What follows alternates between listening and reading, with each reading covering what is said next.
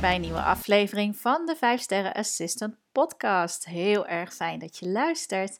En vandaag heb ik mijn oog laten vallen op uh, weer een boek. En ik zal hem een andere keer nog uitlichten als echt uh, boekentip. Maar mijn oog viel eigenlijk op uh, een van de ja, valkuilen of fouten die je kunt maken. Ik zal eerst even de titel van het boek noemen en de schrijver. Het is uit het uh, Engels Nice Girls Don't Get the Corner Office. Um, adviezen om te groeien in je werk van Louis P. Frankel. En ik vind het een erg interessant boek, omdat het heel erg uh, van toepassing is op ja, alle um, nou ja, vrouwen, zeg maar, in bepaalde beroepen, zoals assistant support professionals. Uh, ik zelf zie er ook genoeg dingen in staan uh, waar ik iets aan heb. Maar eigenlijk bevat het boek allerlei um, fouten en tips van ja, hoe kun je groeien in je werk en kom je echt wel verder? Hoe speel je het spel? Um, nou, dat is één uh, gedeelte. Hoe gedraag je je? Hoe zorg je ervoor dat je je mindset op orde hebt?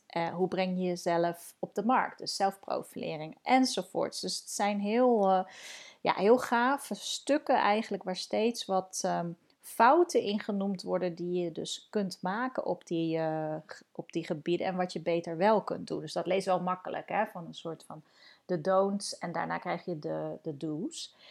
Um, en het uh, eindigt ook met een persoonlijk ontwikkelingsplan. Dus het is echt op gericht dat je groeit. Nou, dat is al bijna een boekbespreking. ik wou er eigenlijk maar eentje uithalen. Um, en dat komt eigenlijk ook omdat ik daar zelf wel uh, me aangesproken door voel. En misschien jij als luisteraar herkent het bij jezelf of juist weer bij anderen. Er wordt namelijk een, fout gemaakt en een valkuil dus ook. Ik zie hem ook bij assistants heel erg, maar ook bij mezelf hoor. Want het, het is namelijk dat je te veel persoonlijke informatie geeft.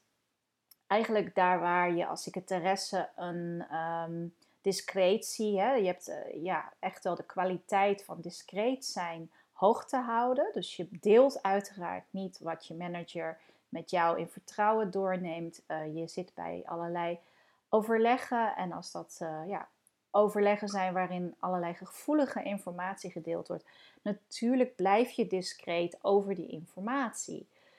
Maar voor de rest moet je wel goed nadenken van oké, als ik het dan over mezelf heb, wat deel ik dan wel en wat niet? Nou, ik als ondernemer en als podcaster, ja, ik moet ook heel goed die keuzes maken van wat deel ik wel, wat deel ik niet. Ik vind aan de ene kant dat authenticiteit en open en transparant zijn, ja, dat zijn echt wel belangrijke waarden voor mij.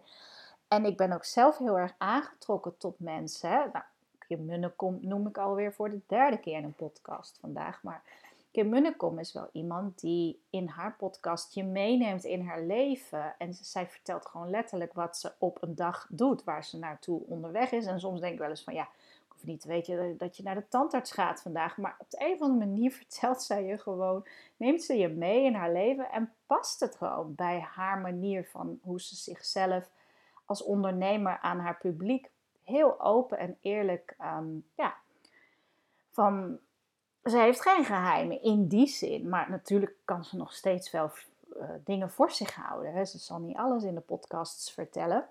Nou, dat geldt voor mijzelf natuurlijk ook. En uh, dat geldt voor jou. Wat vertel je van jezelf? Wat laat je van jezelf zien?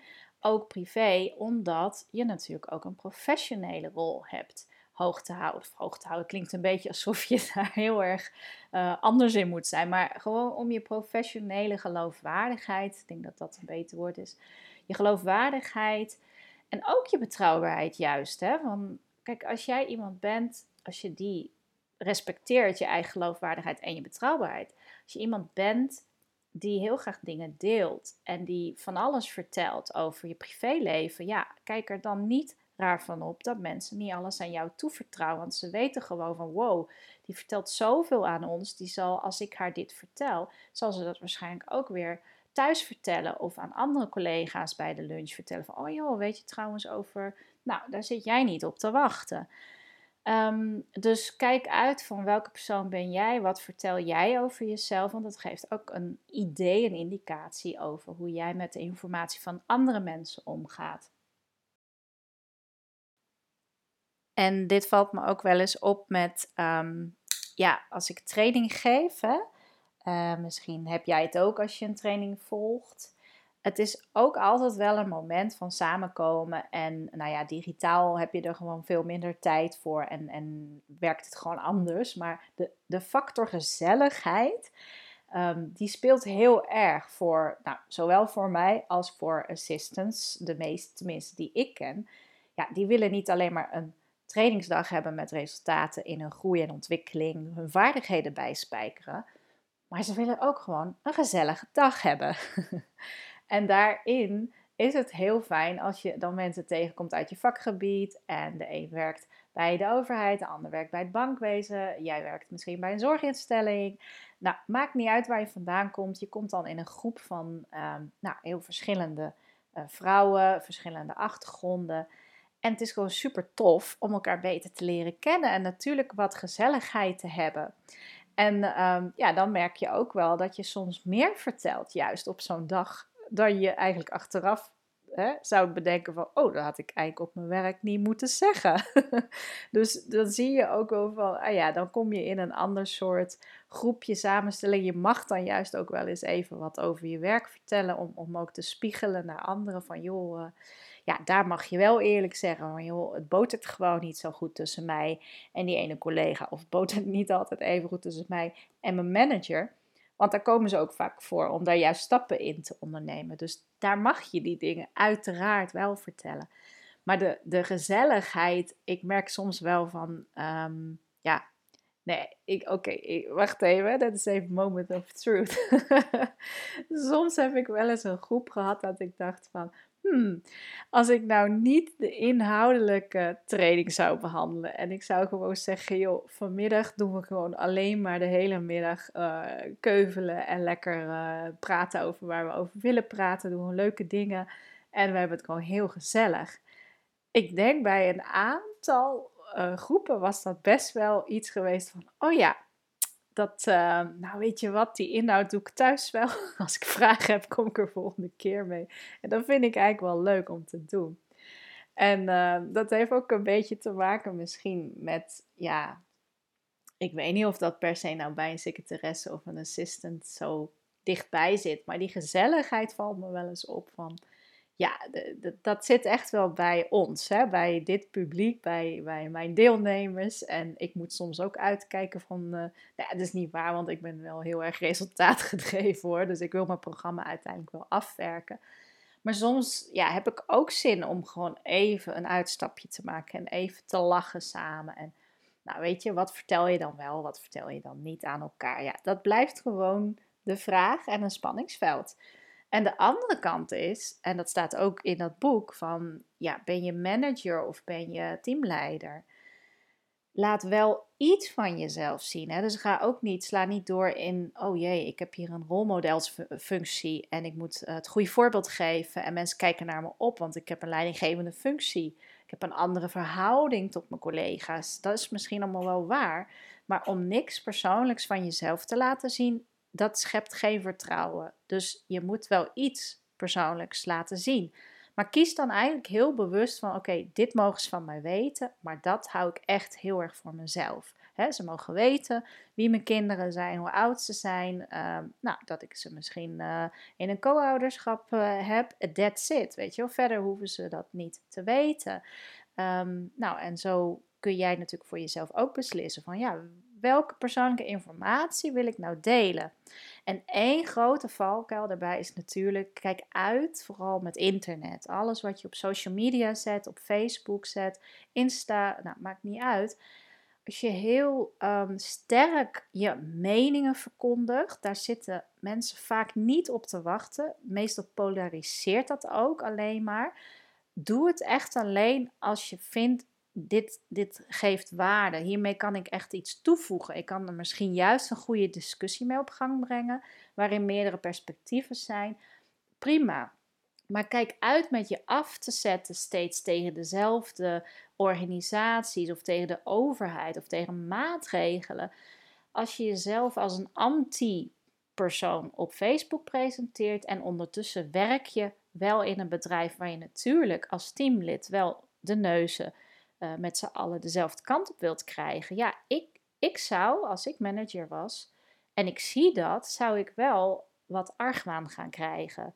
En dat geeft mij geen vertrouwen in, je, in, je, in het teamgevoel. Hè? Dus als je zo anti je privé uit, dan zou ik je heel erg in de gaten gaan houden. Dus ik zou daar wantrouwend van worden. En ik denk dat ik niet de enige ben.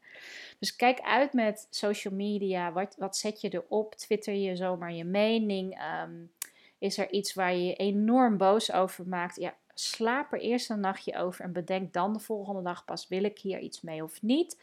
dat zijn best wel de valkuilen van onze tijd gewoon. Je kunt in een emotie reageren en in een emotie heb je zo een beeld van jezelf neergezet, uh, ja, waar echt niemand op zit te wachten. Mensen hoeven niet te weten dat jij je persoonlijk gisteren heel erg druk hebt gemaakt over een artikel uit de krant.